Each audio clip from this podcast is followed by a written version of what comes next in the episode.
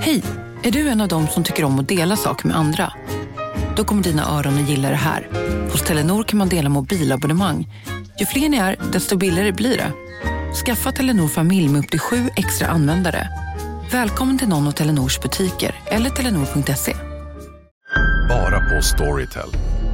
En natt i maj 1973 blir en kvinna brutalt mördad på en mörk gångväg. Lyssna på första delen i min nya ljudserie. Hennes sista steg av mig, Denise Rubberg. Inspirerad av verkliga händelser. Bara på Storytel.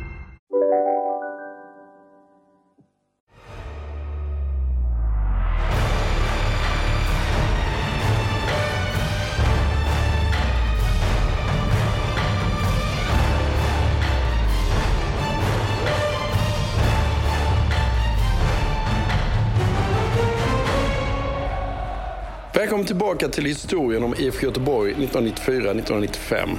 Det är dags för en ny hemmamatch och det är turkiskt motstånd. Det är Galatasaray som var ett storlag på den här tiden. Ja, och som verkligen kände att oj, nu får vi vara med i Champions League och nu ska vi visa vilka vi är. Nu ska turken ta över med Hakan Şükür i spetsen.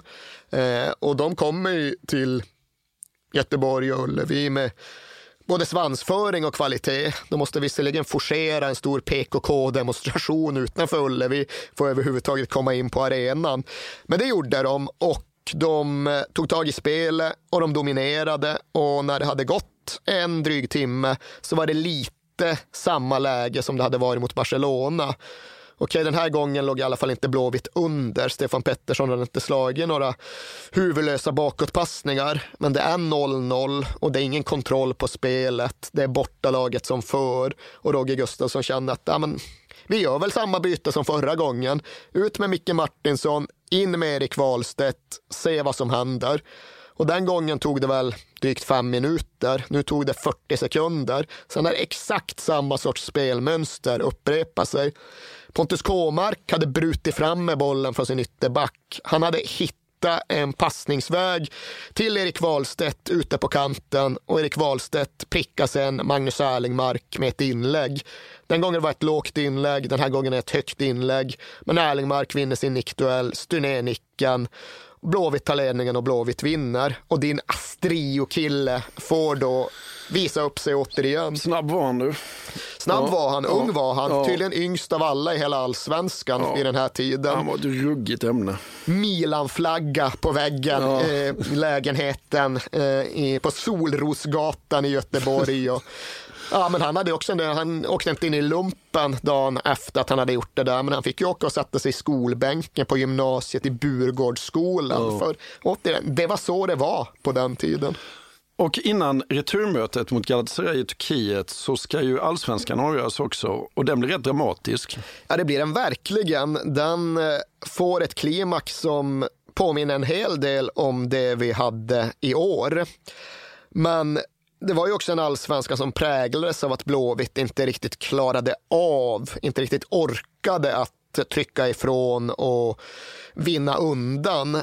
För de påverkades ju verkligen av VM-sommaren och av Champions League-spelet. Och Roger Gustafsson pratade jättemycket om det där att ingen utomstående fattar och begriper hur svårt det här är. Vi, vi hinner inte ens träna för det är så mycket matcher och det är så komprimerat och det sliter så hårt på spelarna. Och Leif Svärd, denna eviga fotbollsläkare, han var också ute och liksom sa att ja, men, det är något annat än det vi har upplevt tidigare. Det är klart vi har haft tuffa passager även förut, men nu visar spelarna en trötthet både fysiskt och kanske framförallt mentalt som vi inte har sett förut. De visar liksom en irritation som vi inte alls känner igen. Och Blåvitt gjorde ju halvdana allsvenska resultat mest hela hösten. Tappade ju matcher och poäng som de absolut inte skulle ha tappat om de bara hade kunnat fokusera uteslutande på allsvenskan. Eh, och det innebar ju att när det väl var dags för slutomgång så var det ett riktigt pikant läge. Det var ju bara andra året eh, vi hade använt oss av en rak allsvenska igen efter allt otyg med mästerskapsserier. Men det innebar att det fanns en sista dag då tre klubbar kunde vinna, precis som det var i år. Och två av dem möttes dessutom. Och det var IFK Göteborg som skulle spela nere i Malmö och MFF hade den minsta guldchansen. De var beroende av att allt skulle gå deras väg för att de skulle lyfta bucklan. Örebro SK, de hade gjort en jättefin säsong och stod ju väldigt nära drömmen om sitt första SM-guld. De hade gjort flest mål och de hade gjort mål i varje match. Men de var ändå beroende av att Blåvitt inte skulle vinna. Måste säga att det var väldigt fina spelare i Örebro på, ja, alltså på den tiden. Ja, ja. Ruggiga stjärnor. Och Arno Gudjonsen och Mattias Jonsson. Mattias Jonsson. Ja. Ja, framförallt Arno Gudjonsen ja. var ju magnifik.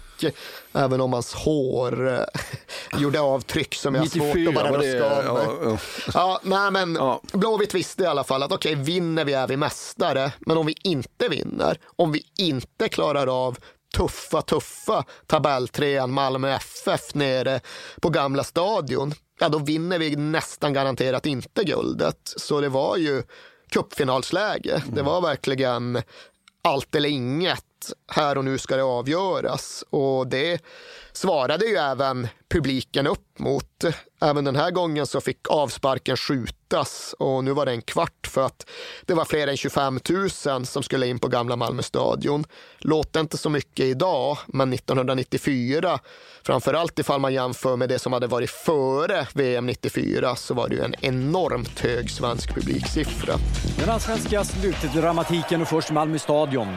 Mycket folk, fotbollsfest, 25 531 åskådare det årets i särklass bästa allsvenska publiksiffra. Och matchen blir jämn och matchen blir tuff och matchen förs till en början av Malmö FF. Malmö är bra i början. De är riktigt bra.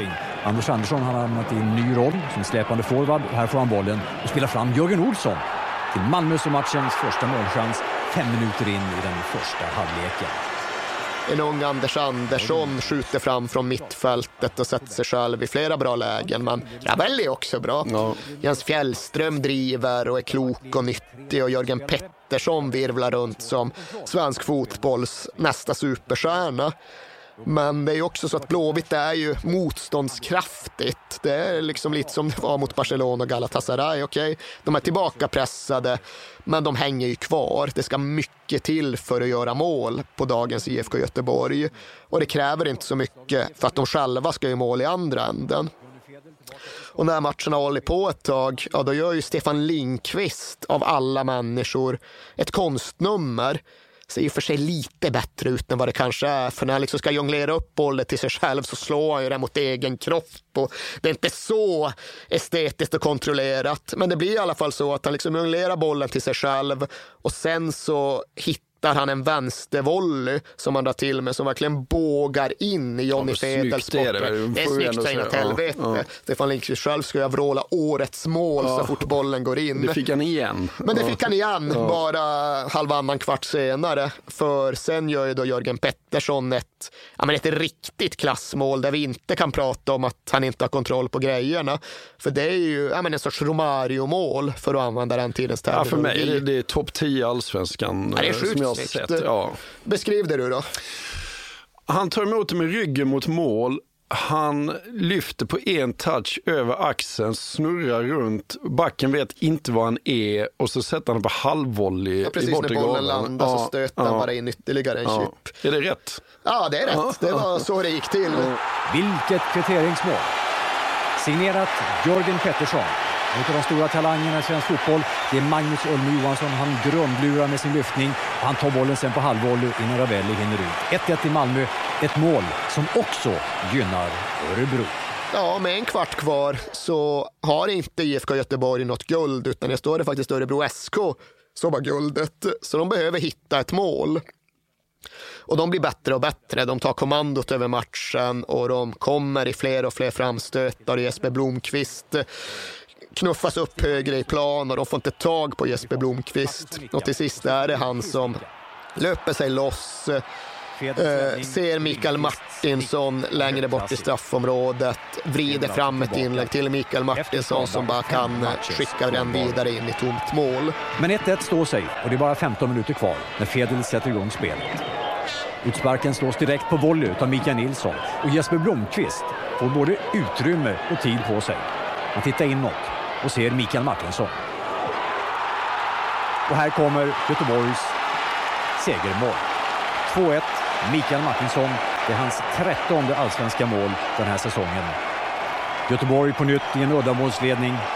Kolla Ravelli. Thomas Ravelli konstaterar att målet är gjort. Gör av någon anledning dubbla korstecken och återvänder till målburen. Göteborg är också i serieledning nu. Och nu, nu är SM-guldet Göteborgs. Så Blåvitt vinner guldet.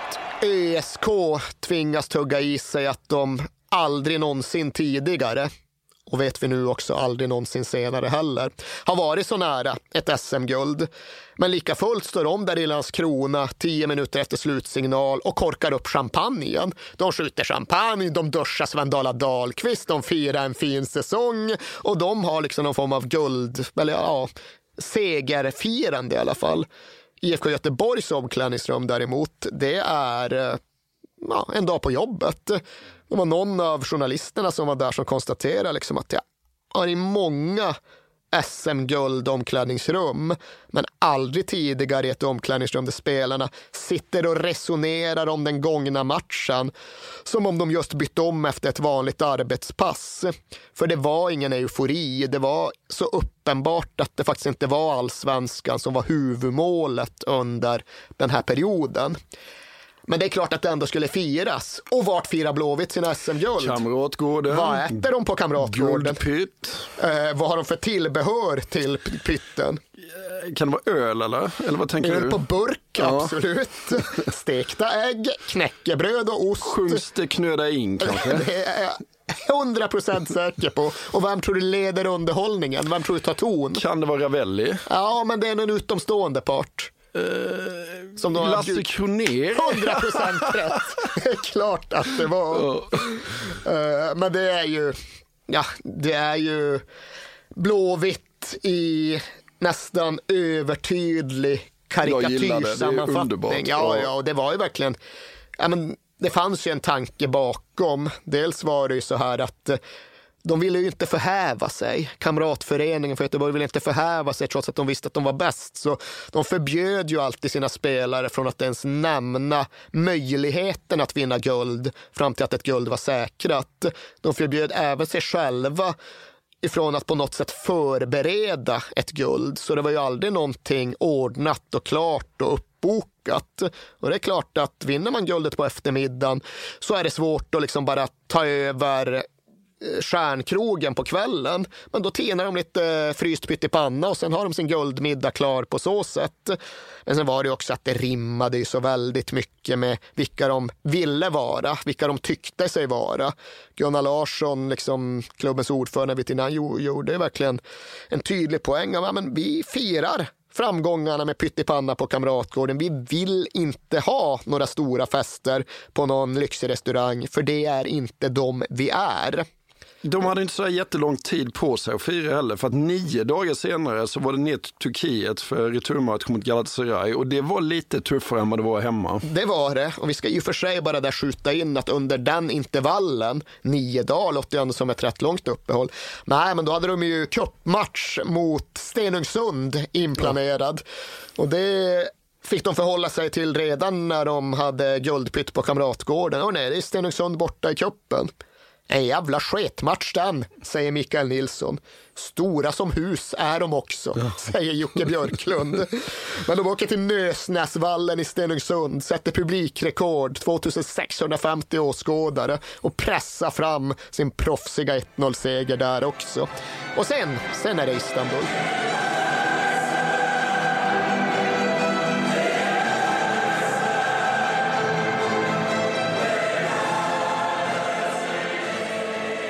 Ja, men till att börja med kan vi bara berätta lite om just backdropen till det hela. För vi har ju alltid alltid prata om hur tufft det är att åka ner till Turkiet och Istanbul och spela en viktig bortamatch. Alldeles oavsett om det är landslaget eller något klubblag som ska göra det. Men till att börja med ska vi säga att IFK Göteborg hade gjort det förr och de hade gjort det bra. De hade slagit ut Fenerbahce på 1980-talet, de hade slagit ut Besiktas 1992 och uppfattades på så sätt som en riktig liksom, stormakt. När de kom tillbaka till stan så liksom var det storfrämmande så fotbollsstaden Istanbul taggade ju till. Mm. Och de körde ju dels då sin vanliga psykologiska krigföring. Dagen före match så ville ju Blåvitt träna på matchare. Nej, men det får ni inte. Men ni kan få träna på den här träningsplanen tre mil utanför stan. Och det pallar inte Roger Gustafsson, så han såg ju till att de hade träning på filtmattan inne på hotellet istället. Jag måste fråga dig, för att du har ju varit eh, på, på mycket matcher där nere. Hur, hur är det på de arenorna? Alltså det är ju framförallt, som det är på många håll i fotbollsvärlden en väldigt stor skillnad på hur det är idag och hur det var förr innan de byggde om. För det är fortfarande bra tryck när det är stor match, men de har förstört sin liga genom ett drakoniskt eh, registreringssystem som gör att ligamatcherna inte alls har samma grej. Ah, strunt samma. Så här att när Besiktas fortfarande spelade på sin gamla arena innan de byggde om den där nere vid Bosporen, då var det helt vanvettigt. Och när Galatasaray spelade på gamla skraltiga, ekande, plåtiga Alisam igen, då var det någonting som jag har svårt att se att det gick att uppleva någon annanstans i världen. För det var ingen stor arena, men så tajt den var och så fientlig den var och så högljudd den var. Roger Gustafsson sa i slutet av den här Champions League-hösten efter att Blåvitt hade varit på Camp Nou att jag vet inte om det är något svenskt klubblag som har spelat inför så stor publik någonsin tidigare. Och det tror jag inte han hade rätt i. Eh, jag vet i och för sig inte om jag har fog för att ifrågasätta honom, men det vet jag fan. Däremot tror jag inte att något svenskt klubblag, vare sig förr eller senare, har spelat inför en lika intensiv, lika högljudd, lika öronbedövande fientlig publik som Blåvitt gjorde på Alisam igen den här dagen någon annan gång. Och de berättade att fyra timmar före match, då var de fortfarande kvar på hotellet i en annan del av stan då hörde de från arenan att den redan var full. De stod och sjöng på arenan liksom tre kilometer bort. Och det hör de på hotellet fyra timmar före match. När de väl kommer till arenan och liksom ska kolla, bara gå ut sig och känna på planen, bara hagla grejer över dem. Stefan Rehn står där och kollar, bara, det ligger en kniv precis bredvid mig. Visserligen ouppfälld, men ändå. Det var inte så att de höll igen på bengaler heller?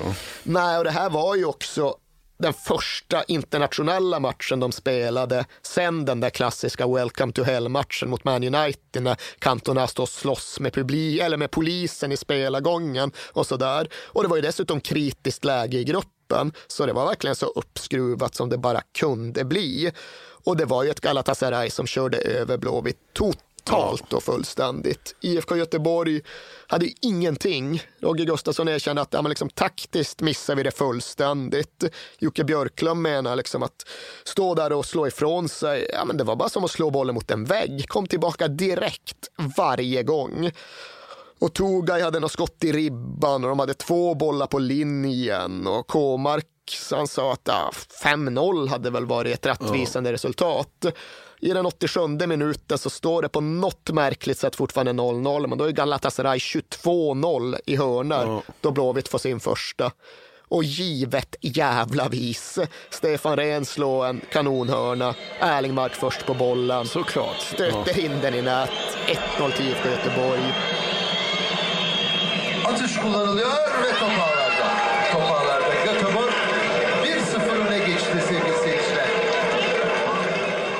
Ja, det är nog det mest ologiska resultatet på att säga sett i en fotbollsmatch. Ja, ja. Det kanske är överord, men jag kan inte komma på vad som skulle vara alternativet. Jag kan inte ens komma på något jämförbart. Så det var en sån, ett sånt rån, en sån smash and grab, så att det verkligen inte liknar någonting annat. Roger Gustafsson kom in på presskonferensen efteråt. Det första en turk frågar, do you believe in God? Jag så bara satt vad, vad fan har för religion här nu? Vad ska jag säga? för att liksom inte förolämpa deras tro. Men det var ju bara liksom för liksom istället för, ja, men, hur mycket tur kan man ha? Det var ju, den, det, var ju det frågan egentligen gällde. Det var en befogad fråga nästan.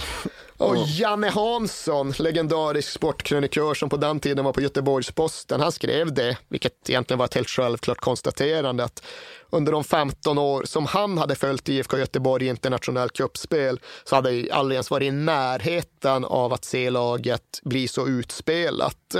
Och att de utifrån det skulle få med sig en poäng var ju helt hisnande. Och nu fick de med sig båda poängen. Och ett tvåpoängssystem på, det på den här tiden.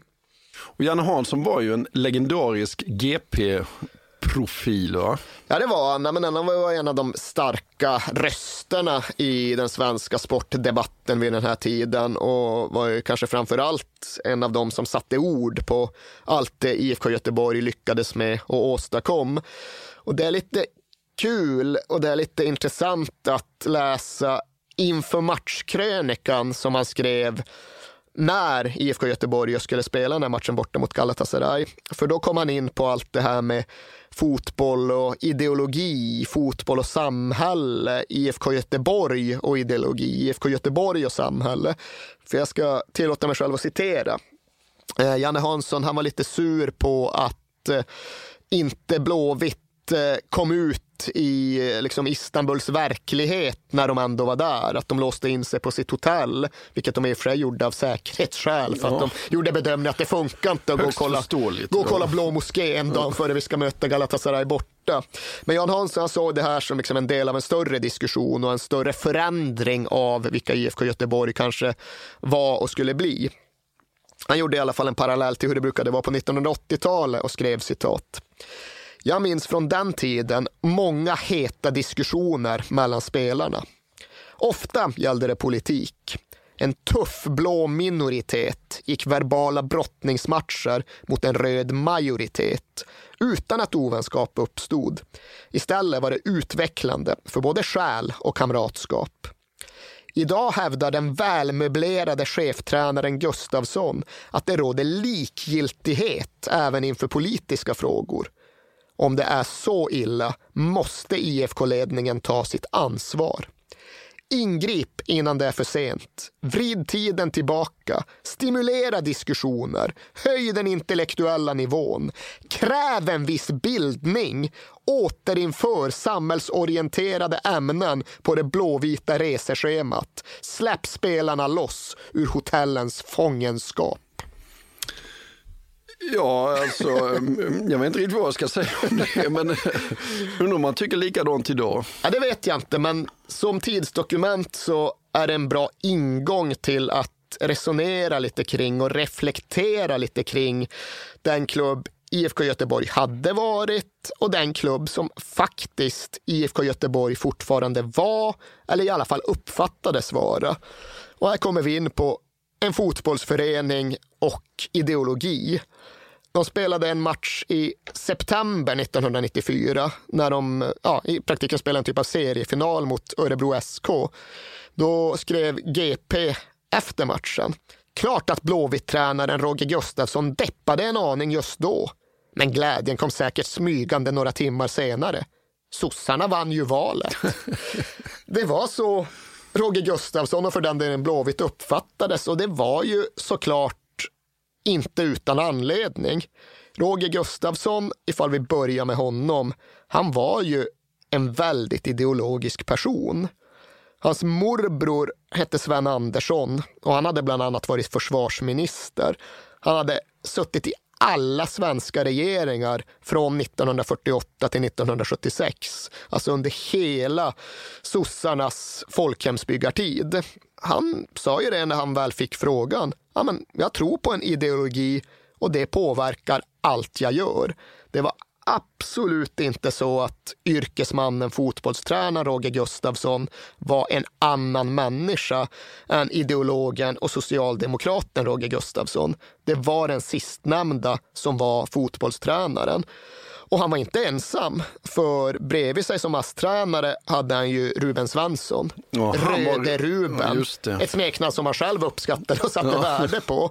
Alltså en spelare som under sin aktiva tid, när han var med och eh, liksom vann över hela halva Europa med Blåvitt, parallellt skrev kröniker i Proletären, alltså KPMLRs tidning. Och därtill och egentligen därutöver, ovanför dem, satt ju Gunnar Larsson, alltså IFK Göteborgs ordförande vid den här tiden, som även hade en bakgrund som kommunstyrelsens ordförande i det väldigt socialdemokratiska Göteborg. Han hade liksom stått bredvid både Tage Erlander och Olof Palme när de hade hållit sina tal och ideologiska väckelsemöten på Götaplatsen. Men det var ju jätteviktigt för Roger Gustafsson att det var Gunnar Larsson som var ordförande snarare än någon annan. Att det var så kamratföreningen var uppbyggd och fungerade snarare än att eh, funka på något annat sätt. Det liksom, han argumenterar ju i praktiken för att det var det som gjorde att han aldrig ens funderade på, aldrig ens kunde tänka sig att jobba utomlands eller för den delen jobba i en annan klubb än IFK Göteborg. Han var där för att stanna. Han tänkte vara där hela sitt liv. För hans gärning var inte att coacha ett fotbollslag. Det var att bygga ett fotbollslag, bygga en förening, i förlängningen bygga ett samhälle. Han var ju i och för sig rätt privat. Han var ju liksom inte stridbar. Han e-, efterlyste inte debatt där. Men ifall det kommer journalister och verkligen ville göra en intervju eller ett reportage som utgick från hans ideologiska grund, ja, men då ställde ju Roger upp och då pratade Roger. Jag tänkte bara citera en grej han sa för att det är eh, ett citat som säger rätt mycket. Ja, men man får liksom fråga, ja, men hur ser du på samhället idag, 1994, Roger Gustafsson? Citat. Vi mådde så jävla bra när vi växte upp. Det var ett så tryggt samhälle. Minst en, familj, minst en i varje familj hade jobb. fanns ingen oro för arbetslöshet. Okej, okay, det fanns bråk då också, men då handlade det om knytnävar och kanske en fickkniv. Idag är det automatvapen. Och det låter exakt som något skulle kunna säga idag som desillusionerad socialdemokrat. Fast eh, kanske till och med lite mer automatvapen också. Jo, nej visst, det har väl hänt en del. Ja. Men det är ändå liksom, Roger Gustafsson, han var den lite desillusionerade socialdemokraten som tyckte att partiet borde anstränga sig lite, eller rätt mycket hårdare för att motverka de växande klyftorna i samhället och som var besviken på att de inte riktigt kämpade för att hålla nere arbetslösheten utan tycktes börja bry sig mer och mer om inflationen. Och allt det här, det är faktiskt kul att kunna konstatera, det medförde bland annat att Roger Gustafsson han förekom ju i Säpos åsiktsregister under den här tiden. Och det fick han själv reda på senare, men eh, så var det. Det var den människan, den fotbollstränaren och den klubbledningen som styrde IFK Göteborg, som påverkade IFK Göteborg, som något satte kursen för IFK Göteborg även Champions League hösten 1994. Samtidigt säger Mikael Nilsson i efterhand att ja, men Roger säger att han var så stor socialdemokrat och demokratisk och sådär, men samtidigt så var han ju en envåldshärskare. Det var han som bestämde allt. Det var han som hade total kontroll på allt. Och det... Ja, det, det, finns väl en del starka ledare i arbetarrörelsens historia också. Jo, du. Ja. Men eh, jag tror ju ändå att han såg sig själv som en väldigt inkluderande och involverande ledare. Han såg väl sig själv som liksom en coach i Bengan Johansson-anda, tror jag. Men visst, det är en sak hur man uppfattar sig själv och det är en annan sak hur man uppfattas utifrån, i synnerhet när man har en väldigt stark vision och ser till att driva igenom den i mer eller mindre minsta detalj.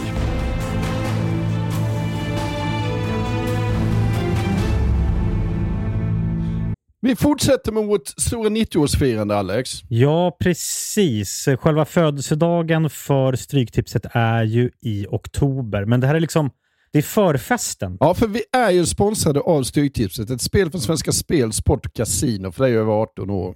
Vi är ju det och eh, har du problem med ditt spelande så finns stödlinjen.se där för dig.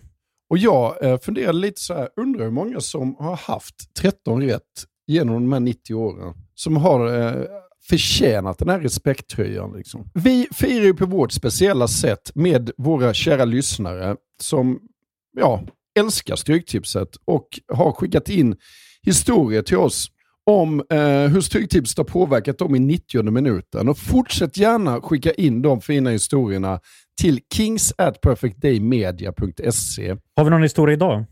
Ja, det har vi. Och den kommer från Thomas. Den är kort mm. koncis. Mm. Den går så här. Jag vill tro att detta är 2010 Arsenal spelar otrolig fotboll och ska bara städa av Sunderland och leder med 1-0 på stopptid. Mm. Jag har 12 rätt med häng på 13.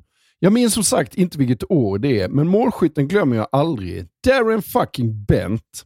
Han bombar in 1-1 och 12 blir 11 som sen blir 10 rätt. Styrtipset är verkligen otroligt och otroligt grymt ibland. Tack för en fin podd. Om jag inte har helt fel så har Darren Bent även en historia i Tottenham, va? Det har han, verkligen. Ja. Men det går Så- vi inte in på nu. Nej, men det var ju ändå fint att Darren Bent sänker Arsenal för Sunderland. Ja, det får man ändå säga. Men vi säger stort tack till Thomas och vi säger stort tack till våra vänner på Stryktipset.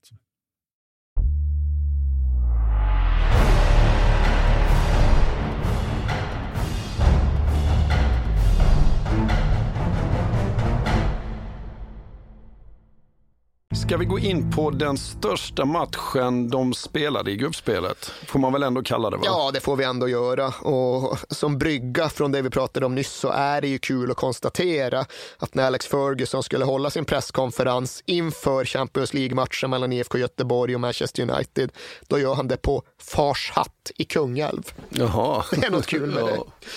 Eh, Men han kommer ju inte den här gången heller med något som ens påminner om hans starkaste lag. Det får vi vara ärliga att ha med oss in i hela den här utvärderingen. För kvar i Manchester fanns Peter Schmeichel och Roy Keane och Ryan Giggs och Lee Sharp och för den delen även högerbacken, landslagsbacken Paul Parker och det sistnämnda kommer visa sig kostsamt. För när väl Man United ställer upp på Ullevi så är det utifrån vad de brukade vara 1994 ett skitlag de ställer på benen. De har Gary Walsh i mål. De tvingas spela den orörliga, klumpiga mittbacken David May som vikarierande högerback. Och de har en mittfältare på plan från start som heter Simon Davis. Och honom, jag tror inte ens att du vet vem det är. Nej, det vet jag inte. Nej, alltså efter hans fåtaliga matcher i Man United så studsade han i typ Luton men sen hamnade han i det walesiska seriesystemet, alltså inte Swansea, Cardiff, Wrexham utan de som bara spelar med walesiska lag. Han tillhörde Airbus UK, alltså flygfabrikens korplag under en betydande del av sin karriär. Men i alla fall, det är klart att det ändå inte är något eh, uselt motstånd och det är klart att eh, man hajar till även nu när man ser tillbaka på hur virvlande bra IFK Göteborg var. För här var det inte Barcelona hemma eller Galatasaray hemma att motståndarna kommer till Ullevi och tar kommandot, utan här är IFK Göteborg eh, dominanta från egentligen första stund. Och det hinner ju inte gå en kvart innan David May av någon obegriplig anledning har stått och försökt göra offside-fällor på mittlinjen mer eller mindre och lämna 45 meter för Jesper Blomqvist att springa på bakom honom. Och får Jesper Blomqvist det, då springer Jesper. Ingen offside, ingen offside! Han är ensam på målvakt! Blomqvist gör något.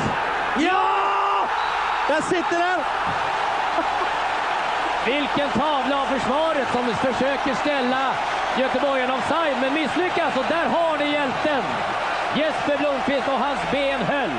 Det Här var väl egentligen enda problemet att han var fri så länge att han hann tänka för mycket. Han hade någon patenterad överstegsfint som man brukade använda även mot målvakter. Men han ska jag göra den, ska jag inte göra den, ska jag inte och till slut bara blunda och skjuta den. Men det är inte Schmeichel i mål, det är Gary Walsh så han viker ju undan åt helt fel håll. Och då är det 1-0. Och det är klasskillnad. IFK Göteborg är bara mycket, mycket bättre.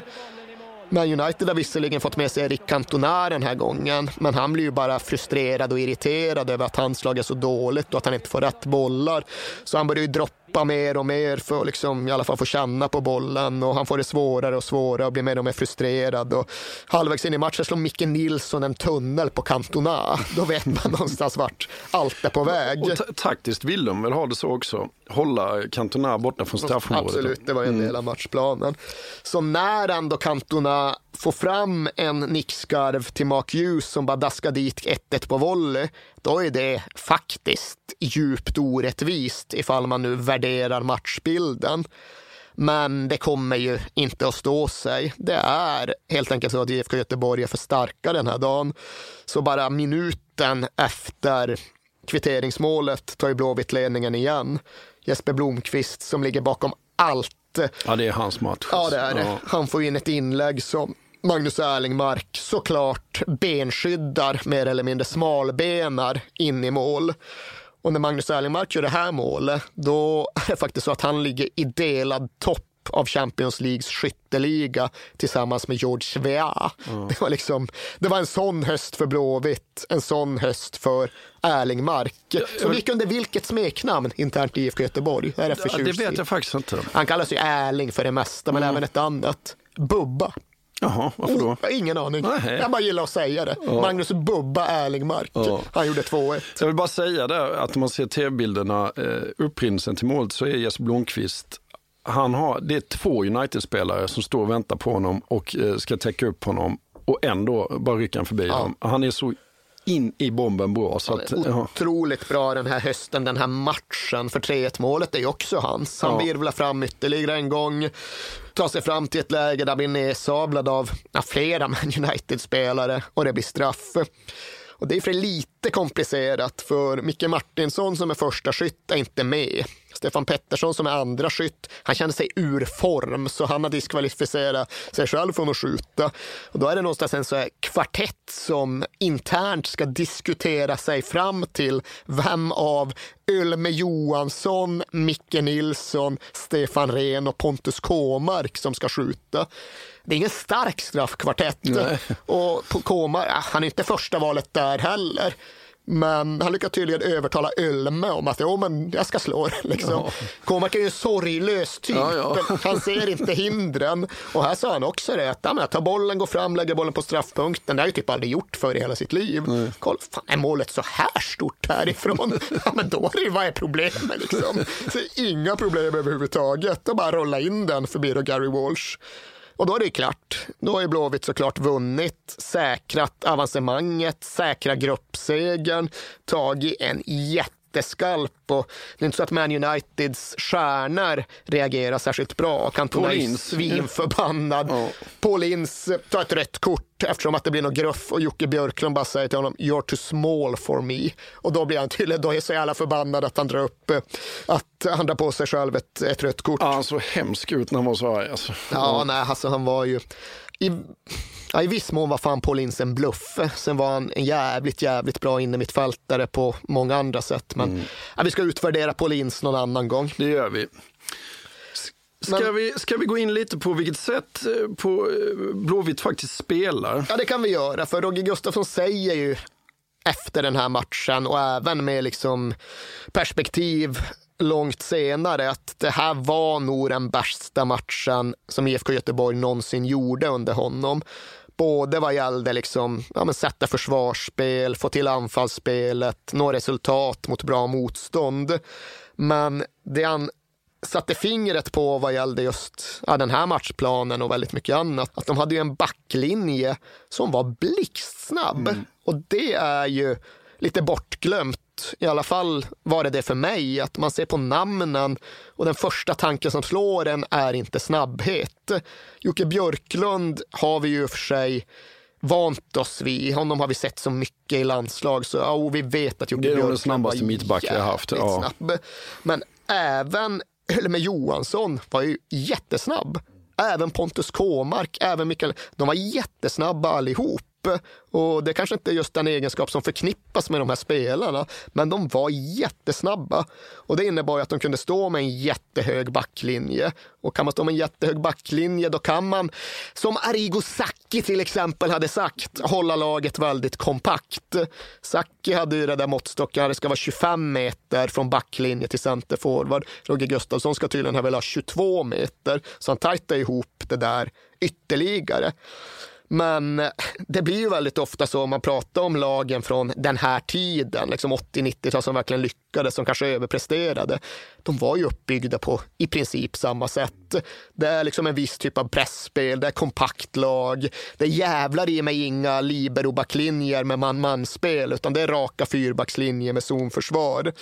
Och det är ju snabba, raka anfall. Blåvitt var ju också sådär, när de väl erövrar bollen, framåt snabbt. Liksom. Iväg med speeden på kanten, iväg med Jesper Blomqvist och Stefan Pettersson kan möta och sen Skarva fördela vidare. Men snabba, raka anfall. Men det är precis som du säger, all, alla genitränare som man ser från den här tiden spelar ju i, princip samma sätt. Liksom. är, och alla beskrivs som revolutionärer. Ja, liksom. ja. Bob Houghton kommer till Sverige, förändrar allt. Och det gjorde han ju för sig, men han var väl den första. Sen Roy Hodgson på honom, Svennis på honom. Och just skillnaden på det Roger Gustafsson gjorde och det Dennis gjorde, den är väl i, om man pratar liksom de stora dragen, det rent fotbollsideologiska, så är ju den marginell. Det är ju verkligen en påbyggnad av IFK Göteborgs 80-tal snarare än en förändring av något de gjorde då. Men det de också gjorde, det är ju det där med träningsmängden. För än idag så går det att jämföra de allsvenska lagen och hur de tränar med hur Blåvitt tränade då och konstatera att ja, Blåvitt tränade ju mer och de tränade kanske framför allt mer med boll. Roger Gustafsson hävdade ju att hans lag tränade 50 procent mer fotboll än vad ett allsvenskt lag gör idag. Och det är delvis för att dagens allsvenska lag kanske kör mer specifik explosions, eh, explosivitetsträning när de tränar så, men Blåvitt körde alltid så, allt ja. med boll. Och så hade de ju två timmar långa pass varje gång de tränar. De har alltid två timmars träningar och det har ju inte allsvenska klubbar idag. Det hade inte andra allsvenska klubbar då heller. Men det hade Blåvitt och de hade också fördelen av att kunna bygga extremt långsiktigt. Roger Gustafsson han byggde i grund och botten på samma lag hela tiden mellan 1990 och 95. Och visst, det försvann en spelare ett år och det kom till en spelare det andra året. Men det var i grund och botten samma lag. Och det gick då, men det gör ju inte nu. Det går ju inte längre.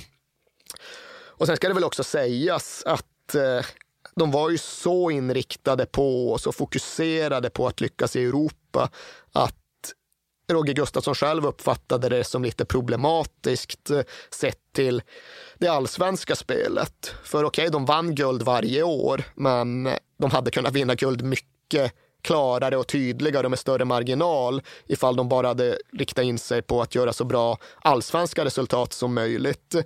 Men de använde ju allsvenskan som ett sätt att liksom träna för Europa. Och i Europa så accepterade de att motståndarna skulle vara bollförande. De skulle stå, de skulle vara kompakta, de skulle ställa om. Och det kunde ju bli ett problem när de spelade mot ett allsvenskt motstånd som ville låta Blåvitt vara bollförande. De kunde ha problem med att eh, dyrka upp, luckra upp lågt stående motståndarlag. Och den här hösten var det till exempel så att de förlorade hemma mot Västra Frölunda dagen innan de skulle åka till Old Trafford och möta Man United. Och det hävdar ju Roger Gustafsson att ja, men, det beror på att vi inte bara mentalt utan även vad gällde att utveckla vårt spel prioriterade Champions League. Sen får vi väl säga också att intensiteten på träningarna var ju så hög och så bra att eh, de säger idag att det var nästan skönt att komma till allsvenskan och spela match för då fick man lite mer tid på sig med bollen. Ja, ja men det är ju lite som vi pratade om Umeå IK för några veckor sedan Ja, i en annan kontext, Ja att det var tuffare att träna mot varandra än det var att spela match mot en annan typ av motstånd. På Camp Nou arena ser ni alltså nu Barcelona mot IFK Göteborg och ni hann eh, titta lite grann på Barcelonas laguppställning. IFK Göteborg har det gamla vanliga namnet exakt samma som spelade mot Manchester United i den senaste matchen. Då är vi framme vid Camp Nou, bortamötet mot Barca. Ja, summeringen och ihopknytningen av Champions League-gruppspelet. Den för IFK Göteborg faktiskt betydelselösa matchen. För i och med de här raka segrarna mot Barcelona, Galatasaray två gånger och Man United så har ju de säkrat gruppsegern. Men Man United svettas fortfarande och Barcelona svettas fortfarande. Och Gunnar Larsson, jag träffade faktiskt Gunnar Larsson på Bokmässan för några år sedan och vi pratade en del och då beskrev han det som att det är hans skönaste och största ögonblick som ledare för IFK Göteborg. Att åka ner till Barcelona och Camp Nou med gruppsegern i bakfickan och kunna komma då som kamratföreningsföreträdare och möta de här liksom pamparna i Barcelona och veta att ja, men för oss är det lugnt. Det är ni som behöver svettas. Vi har redan gjort vårt.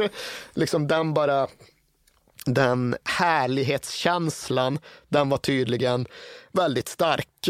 Och det var ju det som var bakgrunden till hela den här matchen. Att IFK Göteborg visste att de var klara och alla andra visste också att IFK Göteborg var klara. Manchester United visste att deras enda möjlighet att gå vidare, det var att Blåvitt skulle åka ner till Camp Nou och vinna. Så det var ju väldigt många brittiska journalister som hörde av sig och verkligen försökte försäkra sig om att ja, men ni spelar väl för ni kör väl bästa laget, ni gör väl vad ni kan. Och Alex Ferguson ska tydligen ha ringt Gunnar Larsson på matchdagen. Bara liksom, ja, men ni har väl bästa laget, ni kommer köra. Jo, jo, det är så vi gör, vi är svenska, vi är IFK Göteborg liksom. Jag har alltid varit bästa. En god fråga enligt Roger Gustafsson.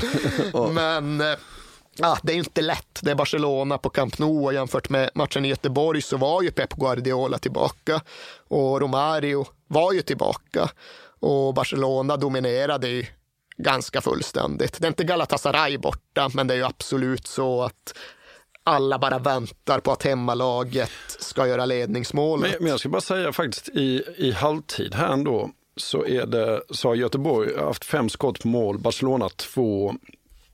Göteborg har haft fyra hörnor, Barcelona tre.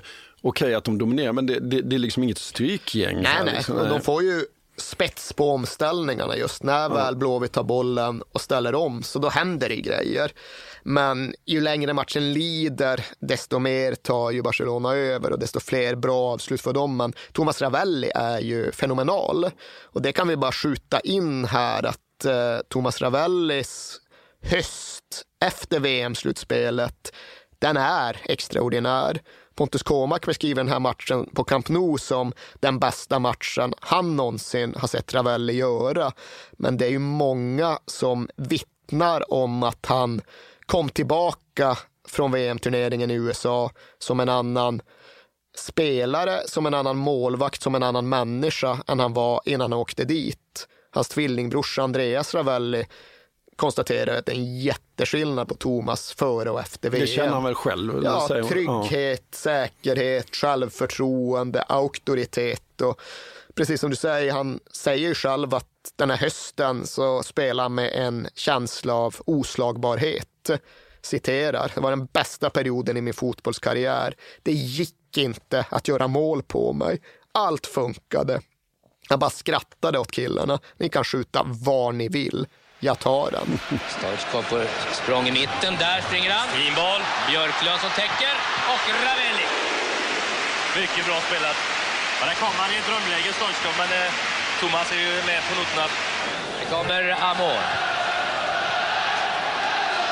Stoichkov till skott. Oj, oj! Ja, härlig räddning igen av Thomas. I den femte minuten får Barcelona i den andra halvleken sin fjärde hörna totalt. Han kom ju också, han kom ju faktiskt sjua i Ballon d'Or-omröstningen det här året. Eh, och den var visserligen inte lika omfattande som den är idag. Det var ju bara Europafödda spelare som ingick, men ändå sjua i Ballon d'Or. Vilka sex kom före? Tar du det? Oh, det kom plötsligt, men då måste vi väl ta in Romario. Ja, men som sagt, bara Europafödda alltså, spelare var det på den här tiden. Uh, Hadji. Eh, korrekt. Eh, alltså här må, jag, jag, måste faktiskt tänka lite, för den kom lite plötsligt. Är Brolin före? Brolin är knappt före, absolut. Eh, Baresi? Nej. Eh, Baggio måste vara där. Eh, jajamän. Eh, Maldini? Japp. Två kvar. Då, då måste en självklar, en lite svårare. Stoichkov. Jajamän, han vann. Ja. Fick Ballon d'Or. Sen är det rätt svår. Eh, en, en tysk som kom sexa. Ish. Uh, Matteus. Tottenham Hotspurs, Jürgen Klinsmann. Klinsmann ja, ja. ja. nej, i alla fall sjua i världen. Eh, det ska vi få med när vi pratar om IFK Göteborg i allmänhet och Thomas Ravelli i synnerhet. Och allra främst den här matchen på Camp Nou. För Ravelli är väl den främsta anledningen till att Blåvitt ändå står emot så länge som de gör. Sen blir han besegrad av en Bakero-nick en skarvnick på en hörna och där går det inte att gnalla på Ravelli, det gör det inte. Rätt upp i krysset. Men även där, liksom, att det är ett sent mål, det är ju ett segermål som Bakero gör. Men lika jävla förbannat så gnager sig Blåvitt tillbaka in i matchen. Stefan Rehn gör 1-1 någon form av andra bollsituation och sen har faktiskt Blåvitt något läge att vinna matchen också. De håller på att ta över när slutsignalen väl går. Och 1-1 på Camp Nou, bra för alla. Barcelona är nöjda för att de har gått vidare, det räckte för dem. Blåvitt nöjda för att de har gjort en bra match. Jesper Blomqvist dock besviken. Han tyckte Barcelona-spelarna var så jävla osympatiska. Han ville hellre att Man United skulle gått vidare. Ja, Ronald Koeman ska tydligen ha sprungit kring på planen och gnällt att de, vad fan kämpar ni så mycket för? ni, ni har ju redan gått vidare. ja, och Alex Ferguson ringde som sagt upp Gunnar Larsson före matchen. Ska ju även ha skickat ett fax eller möjligen ett telegram till eh, Göteborgsdelegationen även efter slutsignalen. Och då är Man United då åkt ut. Då tvingas de tugga i sig den besvikelsen. Men Ferguson ska då ha telegraferat och nu citerar jag eh, en sammanfattning. De Blåvitt-spelare påstår att han, han meddelade att de var reko killar som i alla fall försökte. Ja. Väldigt oklart om reko killar var orden Ferguson använde, men det var andemeningen i alla fall. Hans krav var att Blåvitt skulle slå Barcelona borta i princip. Ja. Eller hans krav var väl att ja. de skulle försöka, hans förhoppning var att de skulle lyckas. Så, de uppfyllde i alla fall så det första. Så var i alla fall tiderna. Ja, jo, exakt. Och det kan man ju återigen stanna till vid ytterligare en vända. För det är klart att det blir mycket mycket av det här snacket om att lilla Blåvitt från undanskymda Sverige minsann besegrar de stora kolosserna från de ledande fotbollsnationerna. Men det var ju så. Det går inte att överdriva hur häpnadsväckande det är när vi ser tillbaka. För det har gjorts dokumentärfilmer om citat fotbollens sista proletärer, slutcitat, som då ska ha varit det Blåvitt som nästan besegrade Barcelona, som nästan slog ut Barcelona 1986. Åtta, nio år senare så är ju läget i mångt och mycket detsamma. Det är fortfarande inte amatörer, men deltidsprofessionella spelare som utgör IFK Göteborgs spelartrupp den här säsongen. Tittar man på liksom lite av de bakomliggande realiteterna så finns det mycket där som verkligen är mindblowing för mig när jag ser tillbaka. Först och främst att alla A-lagsspelare i IFK Göteborg tydligen har samma lön. Ja. De har lika mycket betalt. Men jag det... bara liksom, kan det verkligen stämma? De har ju liksom ungdomskontrakt, lärlingskontrakt, men sen A-kontrakt som hur mycket jag än försöker dubbelkolla saken ska ha varit lika stora för alla. Gunnar jag Larsson... trodde det var segerpremie, men det är lön alltså? Gunnar Larsson säger i alla fall det. Att vi betalar alla spelare lika mycket oavsett om de spelar eller sitter på bänken förvånar andra ledare de ute i Europa kan inte förstå att spelarna accepterar sådana villkor. Ja, inte jag heller. Inte jag heller överhuvudtaget. Ja. Ja, det är helt häpnadsväckande. Men det kan ju vara så att, att de får en, en bonus och den Beroende på hur många matcher. Lön. Alltså, jag kan tänka mig att Stefan Pettersson har samma lön som... Kommer hem från Ajax och ska ha samma som Thomas Andersson. Liksom. Nej, jag, jag också svårt, men oavsett vilket så är det är någonting som vi gärna tar emot antingen bekräftelser på eller eh, motbevis för. Maila på kings at perfectdaymedia.se. Men hur det än låg till med den saken så var det i alla fall så att alla spelare placerade en del av sina inkomster i pensionsfonder. Att Blåvitt som klubb vägrade kommunicera med agenter utan enbart förhandlade med andra klubbar. Att de, och även det här häpnadsväckande, hade en turordningslista för vilka som faktiskt fick bli proffs, vilka som släpptes iväg till utlandet. Och det innebar att ja, de som hade tillhört klubben länge och liksom tjänat ihop till en utlandsmöjlighet att de kunde IFK Göteborg tänka sig att släppa iväg. De som inte hade gjort det, nej, de fick lov att bli kvar. Det låter som Book. Ja, men exakt. Man behöver partistyrelsens välsignelse för att flytta ut. Och även här, liksom Gunnar Larsson, ja, men han säger det. Det är naturligtvis så att de spelare som varit hos oss längst och först i kö. Nu är det K-mark, medan Jesper Blomqvist får vänta ett tag. Och K-mark, ja, han stod tydligen först i någon form av turordningslista, men han var ju sur hela den här Champions League-hösten just för att Blåvitt vägrade berätta för honom huruvida det hade kommit in några nya bud eller inte. Ja, nej, du får vänta. Först ska vi spela Champions League-hösten, sen är du för först i kön, men nu får du inte veta någonting. Och Koma bara, vad fan är detta liksom? Han var ju sugen på att flytta till Premier League, hade fått indikationer på att det fanns intresse, men klubben bara vägrade kommunicera det till honom.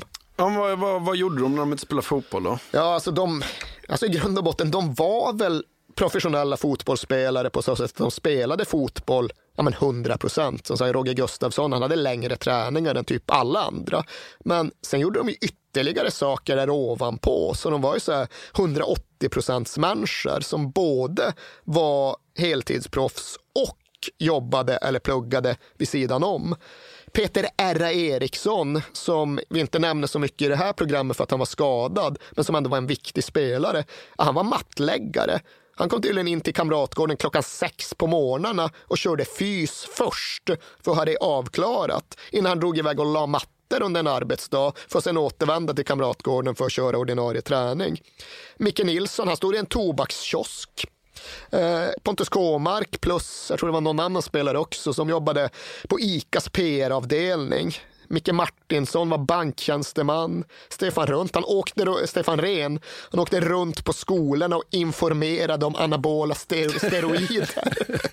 men, ja, men de jobbade, ja. eller de pluggade. Eh, eller låg i lumpen för den delen ja. också.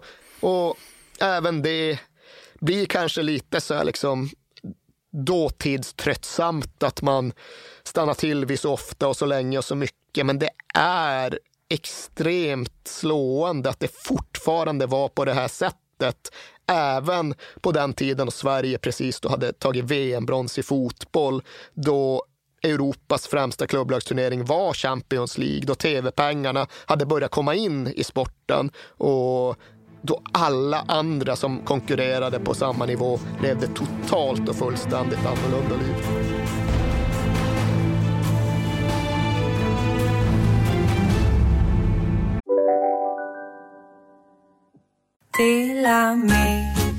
Hej!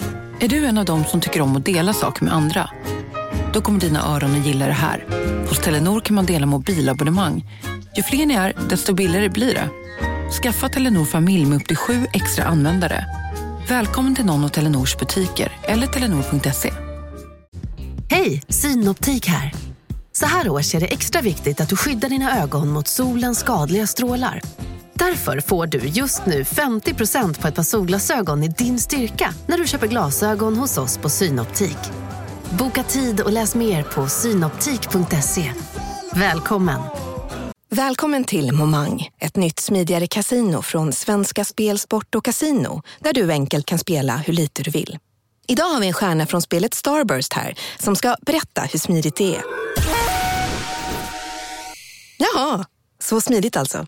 Momang, för dig över 18 år. Stödlinjen.se. De får möta Bayern München som i, i kvartsfinalen i, i Champions League. Men först tvingas ju Blåvitt till ett längre vinteruppehåll och det är väl då Roger Gustafsson gör det han ångrar mest av allt under sin tränarkarriär, eller? Ja, för Roger Gustafsson gör ju sitt vinter och vårupplägg utifrån det som är hans klubbens, spelargruppens uttalade vision och målsättning. De ska vinna Champions League. De ska inte ta sig förbi kvarten, de ska vinna turneringen. Och det gör ju att hans eh, upplägg, det går ju ut på att spelarna någonstans ska pika i maj. Liksom, de ska gnissla igång och ta sig förbi FC Bayern på trekvartsfart för att sen verkligen kunna släppa loss när eh, bucklan närmar sig. Och han gör ju det utifrån en rätt tydlig nu eller aldrig känsla. Det är det här läget som han och de tillsammans har byggt för under hela 1990-talet, ända sedan de satte den där målsättningen. Och han säger det Eh, under den här vinterperioden att ja, men, vi är bättre nu än vi har varit någon annan gång under 1990-talet. Och det här blir slutpunkten för mig med det här laget. För bättre än så här, det blir vi faktiskt inte. Nästa sommar så, ja men då är turordningslistan så långt fram att vi kommer behöva släppa några spelare. Utan ska vi vinna Champions League någon gång, ja då är det nu vi ska göra det. Spelarna är liksom i rätt ålder, de är 26 i snitt. De har rätt erfarenhet. Och den där övertygelsen om att vi ska vinna turneringen, den påverkade hela upplägget och hela liksom mindsetet som Blåvitt mötte 1985 med. Och Roger Gustafsson var ju inte en ensam galning som satt och trodde att det här på allvar var möjligt. Dels så hade han spelartruppen, i alla fall i ganska hög utsträckning med sig. Det är också lite kul och tidstypiskt att det funkade för en tidning att eh, sätta spelartruppen på att eh, tippa Champions League-våren och få ärliga svar. De fick 20 av 22 spelare att ställa upp på det. Micke Martinsson och Thomas Ravelli vägrar tydligen, men 20 av 22 ställer upp. Och av de 20 så tror 8 åtta stycken att de faktiskt kommer vinna turneringen. Sen är det lite spridda skurar ner till att fyra tror att Nej, men fan, vi åker ut redan i kvarten. Liksom. Men, säger de det? ja, ja. K-mark, Stefan Lindqvist, det blir tufft. Liksom. Vi åker ut i kvarten. Men det är ändå fler som tror att de vinner än det är som tror att de ska åka ut mot FC Bayern. Och även här är det någonstans en uppfattning som inte är begränsad till IFK Göteborg själva och den närmsta omgivningen.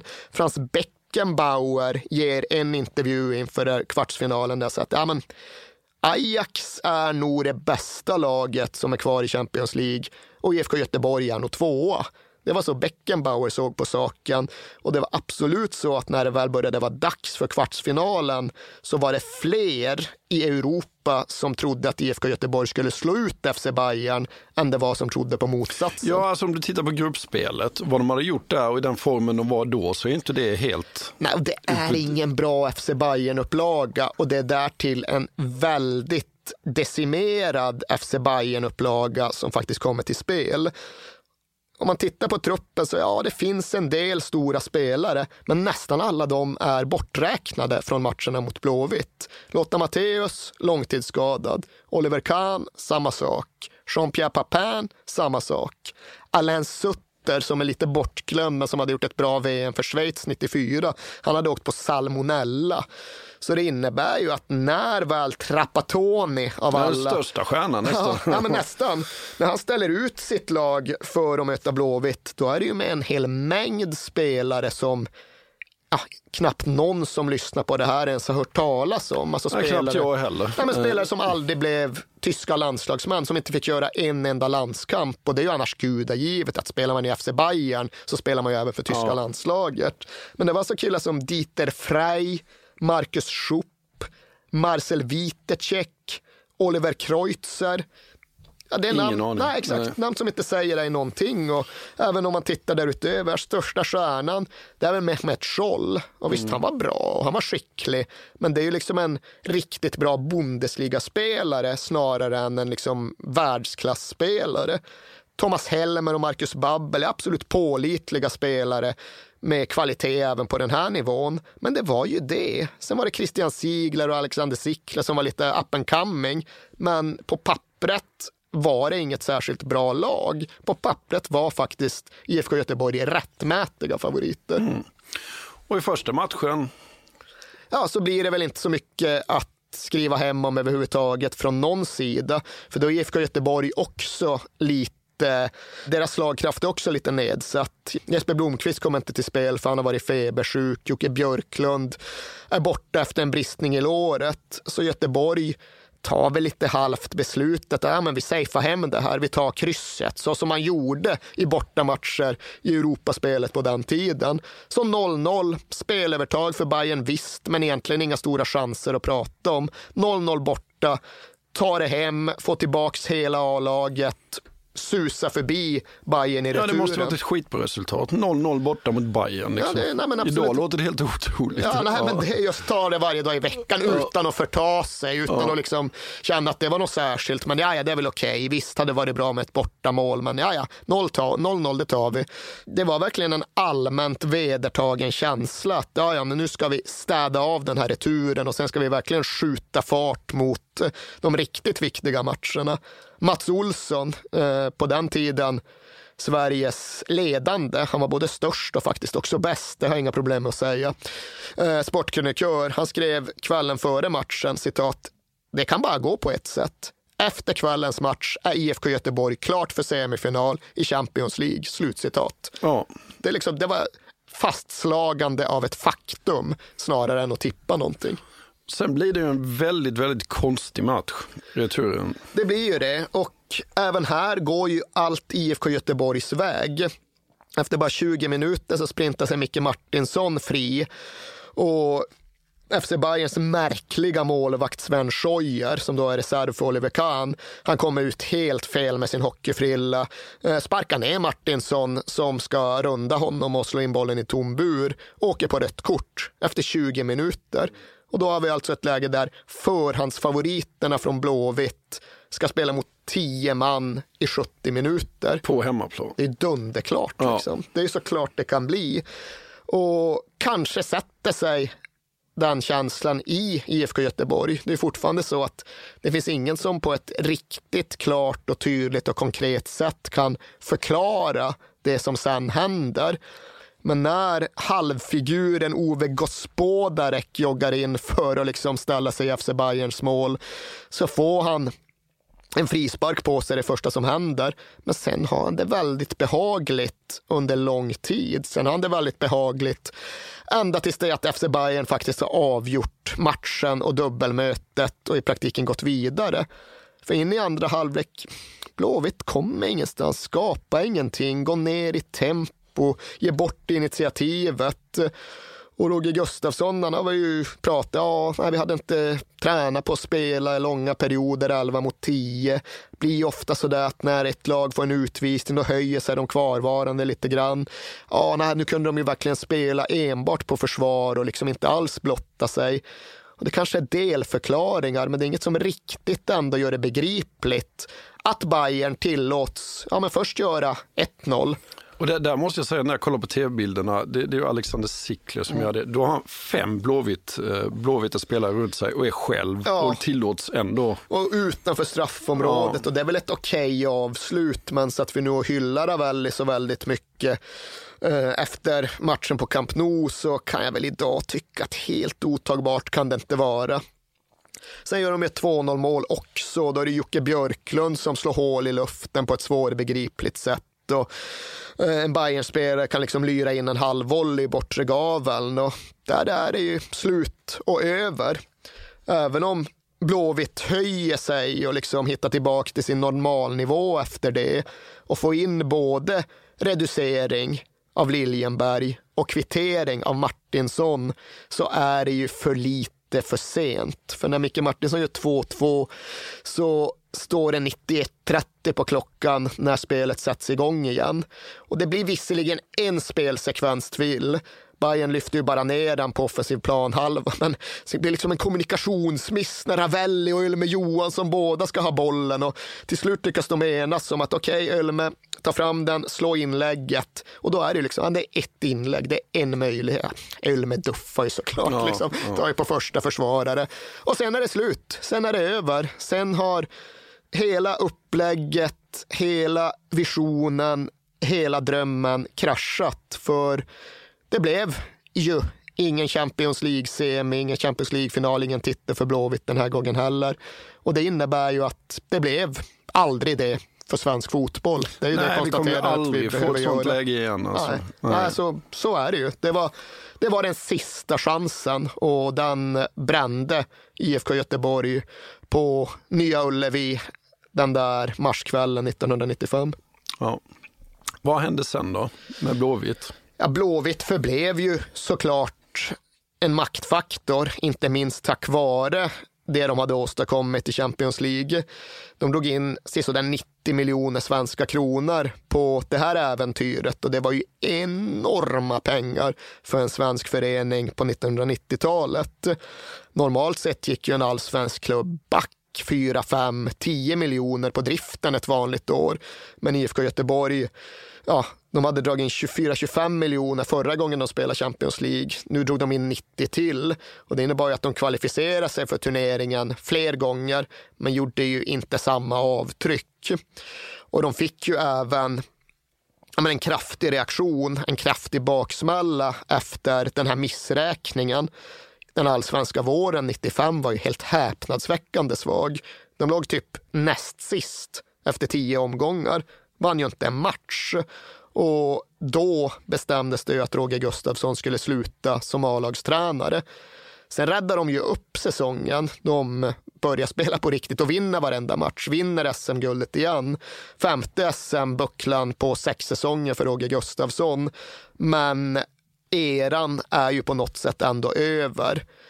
Han kliver åt sidan, Blåvitt sjunker mer och mer och mer. Ja, storhetstiden tar slut.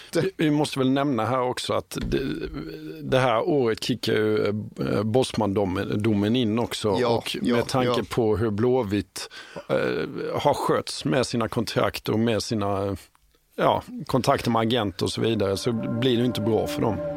The Bosman ruling enabled the modern automatic free transfer.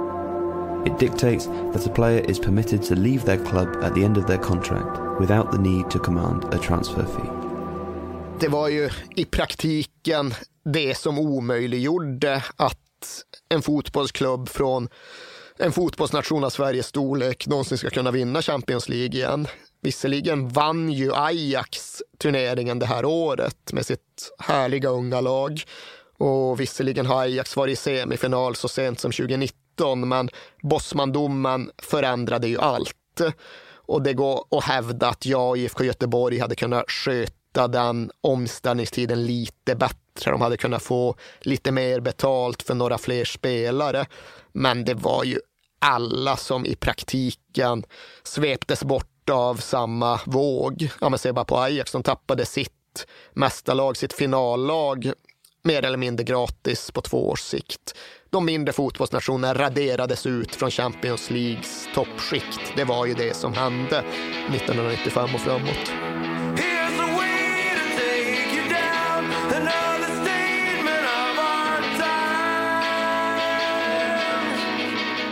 1995 kan man väl säga att det var året som eh, Göteborg som stad pikade också. Eh, man har haft eh, världens blickar på sig idrottsligt väldigt mycket. Man hade EM-finalen 1992. Man hade alla de här internationella framgångarna som IFK Göteborg hade och 95 hade man även friidrotts-VM i stan och hela världen tittade på.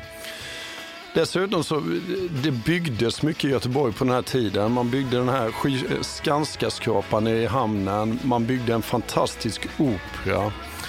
Man hade Göran Johansson som styrde stan och säger vad man vill om honom men eh, han satte Göteborg främst och satte Göteborg på kartan. Och medialt så eh, var det Peter Hjörne som styrde väldigt mycket i hela Sverige faktiskt. Göteborgs-Posten var vid den här tiden jättestora med Britt-Marie Mattsson som stor figur men även med en sportredaktion som var en av Sveriges bästa. Musikscenen, ja det vet ju du bättre Erik, men den, den var ju också eh, väldigt, väldigt stor i Göteborg. För Göteborg har, eh, har alltid varit en stad som velat synas och varit väldigt stolt. Men, men under den här tiden så hade de verkligen 100% fog för då på liksom eh, alla platser.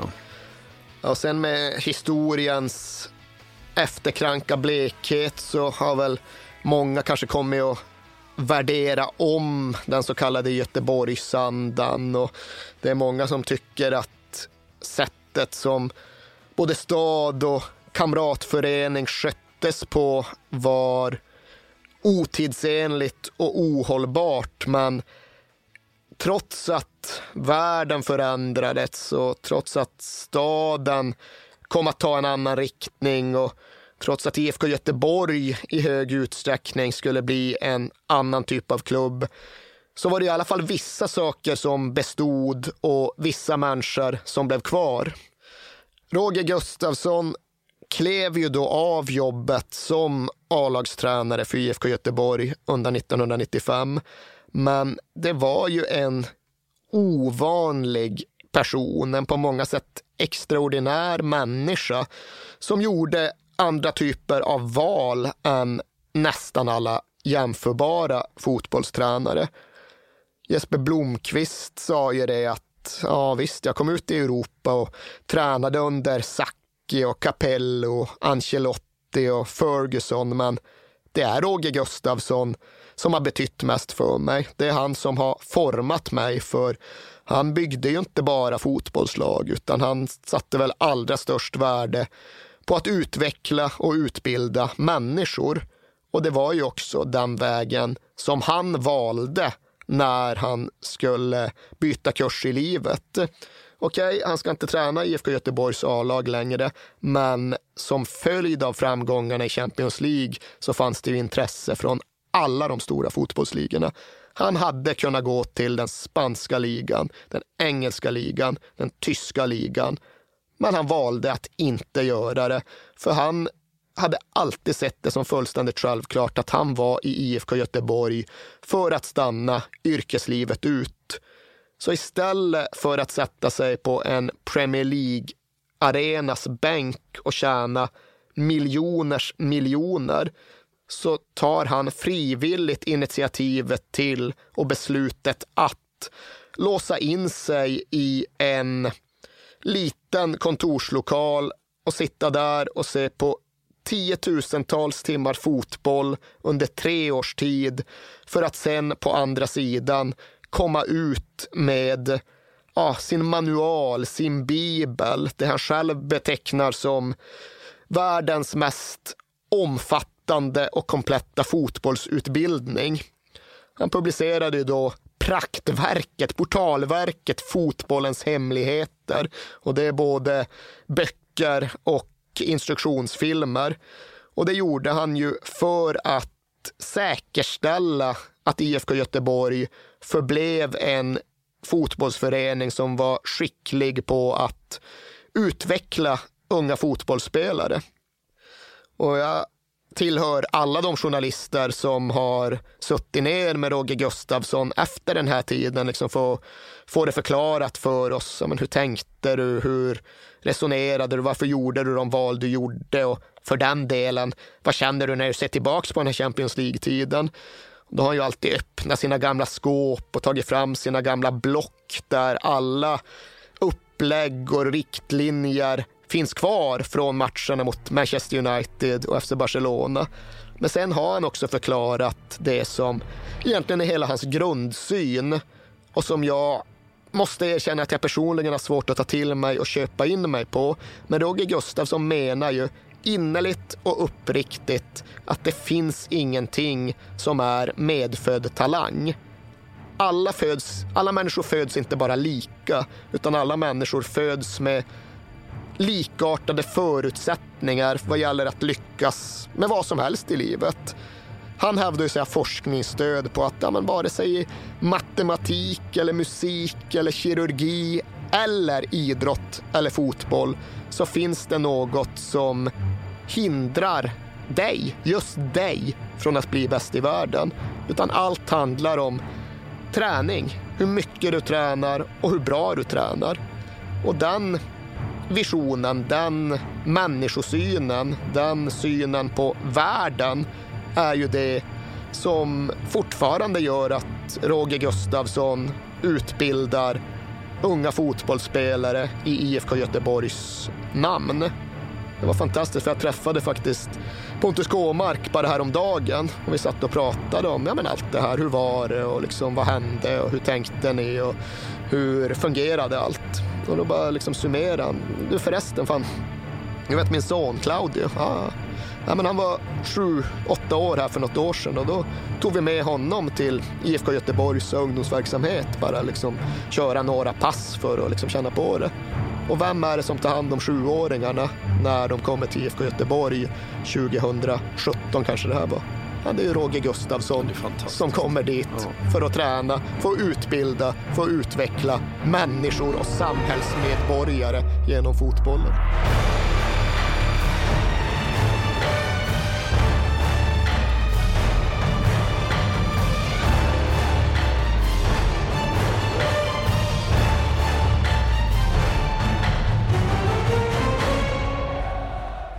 Tack för att ni har lyssnat på When We Were Kings eh, om eh, Blåvitt 94-95. Fortsätt mejla oss på kings at perfectdaymedia.se. Eh, vi är jätteglada för alla mejl och vi läser allt och svarar på allt. Nästa vecka är vi tillbaka igen. Då får vi helt enkelt se vilket lag det blir. Ha det bra under tiden. Hej då.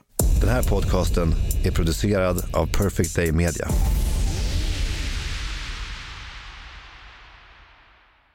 Trots att det just nu är 10 grader kallt och snö ute så älskar vi fotboll. Fotboll är bra, roligt.